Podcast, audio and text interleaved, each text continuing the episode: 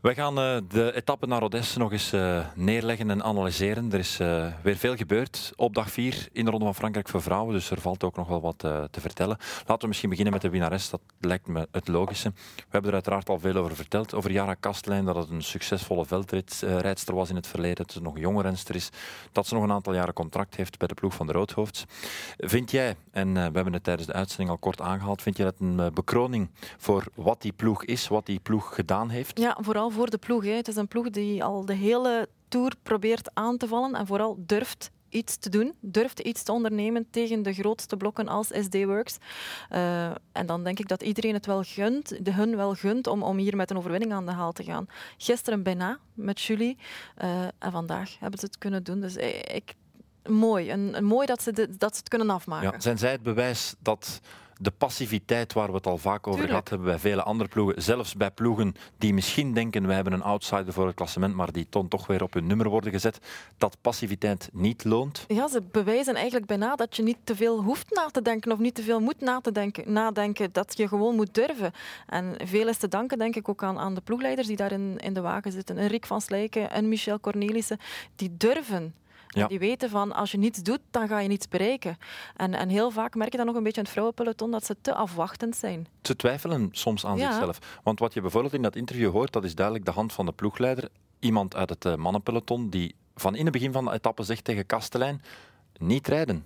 Niet rijden, ook al zijn ze kwaad op jou, ook al zeggen ze iets tegen jou. Je bent hier alleen maar om straks in de finale van deze vrouwen weg te rijden en die rit te winnen. Maar dat moet je durven, hè? Dat moet je ook kunnen, hè, mentaal kunnen, om, om, om dat op je af te laten komen en, sport, erin te blijven geloven van ik ga het hier straks wel afmaken, laat mij maar doen. En als je dat constant hoort in je oortje, dan doe je dat. Hè. Ja. Iets ruimer beschouwd zelfs nog, het project van de ploeg, dat ondertussen Plantorpura uh, was in het verleden en ondertussen dus uh, Phoenix mm. Elegant geworden is.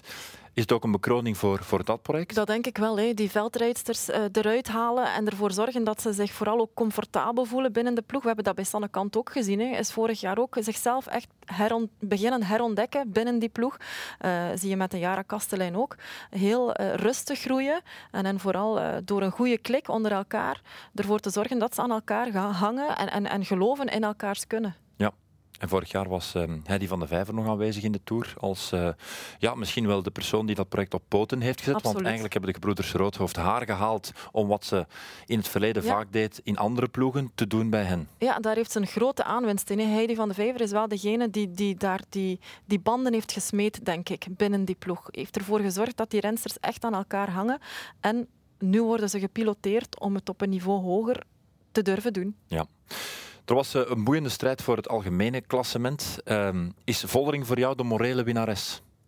van de dag. Ze dacht althans dat ze de winnares ja, van de maar je kan ook nog morele winnares worden. De morele winnares is ze wel. Dat, dat vind ik wel. Ze heeft, uh, ze heeft Van Vleuten op een paar seconden gezet.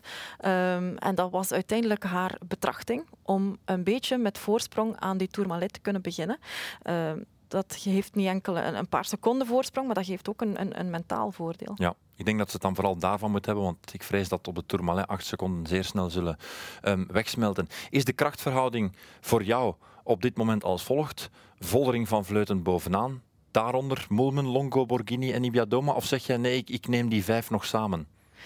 Je bedoelt met... met uh, nee, die, nee, die twee zet ik er toch boven. We hebben het vandaag gezien van zodra dat ze even willen afstand nemen, kunnen ze het ook. Op, een, op een afstand van, van 500 meter of van een kilometer slagen ze er alleen om met twee weg te zijn.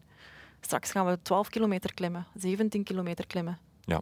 Maar pas op, nu, nu, is het eerder, eerder um, explosief wat ze aangaan. En, en er zijn ook altijd rensters, zoals een Moelman, die een klim heel goed kunnen indelen en, en, en hun tempo kunnen vinden gedurende een lange klim. En, en dan misschien slaagt ze er wel om in om, om dan een beetje terug te komen. Kan ook nog altijd gebeuren. Over Moelman gesproken, die uh, heeft in het verleden eigenlijk heel weinig podium gereden in een, in een grote ronde. Ze is wel op de afspraak. Ja, hij heeft twee keer uh, uh, de tweede geweest in de Giro zeker. Twee keer top drie in de Giro gereden. Maar ze is op de afspraak. Ze was vorig jaar eigenlijk ook op de afspraak, hè, toen ze nog bij SD was. Wel, we hebben natuurlijk nooit echt gezien of ze op de afspraak was. Ze is ziek geworden. Ze is ziek geworden, in, maar tot op dat moment reed ze echt mee met de beste. Mhm. Um, dus als ze nu gezond kan doorkomen, dan, dan doet ze hier wel mee voor een podiumplaats. Ja. Wie is er door de mand gevallen vandaag? De Outreau is de grootste naam die we vandaag verloren zijn. Ze staat ondertussen op een minuut en zes van Vollering. Ja, Dat, is te veel. veel. Dat is te veel. Ja. Terwijl het wel een aankomst was voor Utrop Ludwig vandaag. Een, een Vorig jaar helling. etappenwinst was na Ja. zo'n aankomst. Dus ik denk dat zij degene zal zijn die het meest zal teleurgesteld Ja, zijn vandaag. moet je dan FDG zijnde durven carrément radicaal het geweer van schouder veranderen en, en denken, ja, wat wij hier in huis hebben, wat wij hebben meegenomen naar de Ronde van Frankrijk, dat gaat in de strijd vrouw tegen vrouw telkens tekort komen. Wij moeten dus iets anders doen. Voor, voor ritoverwinningen gaan. Ja, Ja, vanaf morgen meegaan in vluchten, zelfs met Uttrup Ludwig, zelfs met Cavalli. een echte sprinster hebben ze, eh, hebben ze hier nu, nu niet. Maar eh, Net daarom. net daarom is het enige wat ze nog kunnen gaan doen in die, in die lange ontsnappingen gaan. Morgen is daar nog een dag voor, overmorgen ook misschien. Alhoewel dat ik morgen dan een grotere kans geef. Eh, maar pas op, ook daar opnieuw, een minuut achterstand. Op Vollering, uiteraard, maar ook een minuut op, op Moelmen. En, en dan kan ze misschien toch plots weer gaan meedoen voor dat podium, hè, als we op die langere klimmen zitten. Wat dus dan wel voor passiviteit zal zorgen bij Uttrup Ludwig en bij FDG. Maar dat zijn dus die zullen dat nog altijd ook geloven. Jij denkt dat bij FDG ze nog steeds geloven in een podium voor Uttrup Ludwig. Ik ook denk dat na ze dat vandaag. moeten. Ik denk dat ze dat moeten. Oké, goed. Eh, nog één figuur die ik hier wil uitlichten, dat is uiteraard de gele trui. Hoe evalueer jij de koers van Lotte Kopecky? Bijzonder. Ehm, ze heeft echt in, in dienst van Vollering gereden. Het was de bedoeling toen ze, want we stelden ons er een beetje vragen bij van wat is ze hier aan het doen. De bedoeling was effectief dat ze een, een springplank zou gaan vormen voor Vollering eh, en dat Vollering meteen in de tegenaanval enfin, zou meeglippen met Kopecky, dat ze er dan met twee naartoe zouden gaan rijden. Maar Vollering kreeg er de rest niet, niet snel genoeg af. En, en ze probeerde twee of drie keer, heeft ze geprobeerd. En, en eigenlijk kwam ze bijna bij Kopecky deed daar een beetje een foute move om het, om het nog eens opnieuw en nog eens opnieuw te gaan proberen. Maar wat je van Kopecky kan zien, Kopecky was heel goed. Kopecky was zo sterk weer vandaag. Heeft wel gewoekerd met krachten. Heeft gewoekerd met krachten, maar waarom niet? Had ook in die groep kunnen blijven? Of gingen ze dan niet dichtbij genoeg zijn gekomen? Ja, en dan, wat als ze in die groep had gebleven? Helpen meedraaien.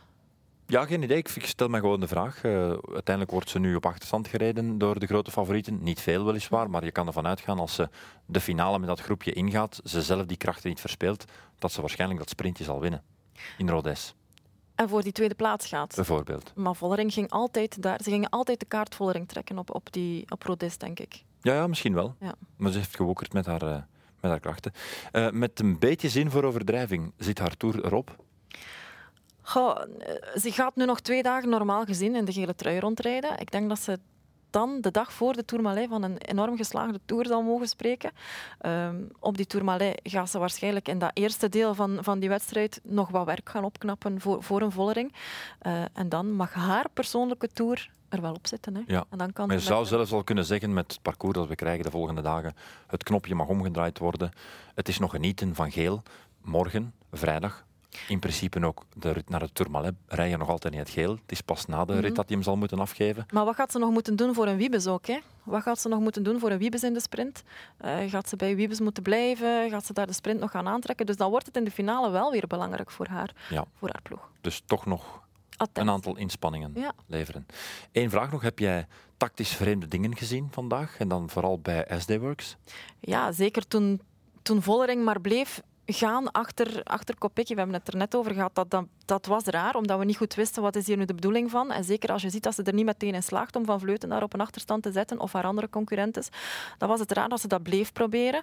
Dat Je hebt ook... Je hebt ook Mageru, ja, Mageru, die daar in de, in, de, in de eerste groep eigenlijk constant niet meedraaide. Twee keer wel een gaatje heeft gedicht. Eh, maar heeft eigenlijk in functie van de ploeg meerwaarde... een non-koers nee, gereden voilà. vandaag. Zij was echt geen, geen meerwaarde en is ook nog geen enkele top, heeft nog geen top Ja. 10 ook gereden. Hè. Want als je kijkt naar hoe Movistar het aanpakt, die spelen het eigenlijk perfect. Als die ploeggenoten er niet bij is bovenop de top van dat klimmetje, dan kraakt Van Vleuten Ja, misschien. ja, Het is ja, die ja. ploeggenoten die, de laatste die het 10 gered meter heeft dichtrijden. voor, voor Van Vleuten. Dus dat is wel wat je eigenlijk moet doen met Ja. eh, dat soort rensters. Of ze had meer dan acht seconden aan haar been gehad hè, Ja. eh, van Vleuten. Eh, dus een, een beetje een rare koers. En neem daar dan nog eens bij dat, dat, dat de Vollering denkt te winnen op de finish. Dan, dan fronsen wij een klein beetje de wenkbrauwen. En dat mag. En uiteindelijk is er voor hun niet te veel gebeurd in het klassement. Integendeel, ze hebben eigenlijk de zaak gedaan die ze wouden doen. Vollering heeft wat afstand gepakt en Kopecky is in het geel gebleven. Dus eind goed, al goed, maar het is onze taak om En dat soort vaak zaken zo. te analyseren. Ja, Ja. Voilà, dit is eh, de analyse van ehm, etappe 4. Morgen etappe 5, in principe een kans voor sprinters. En eh, dan zijn we er weer vanaf eh, 20 over 3 op VRT1.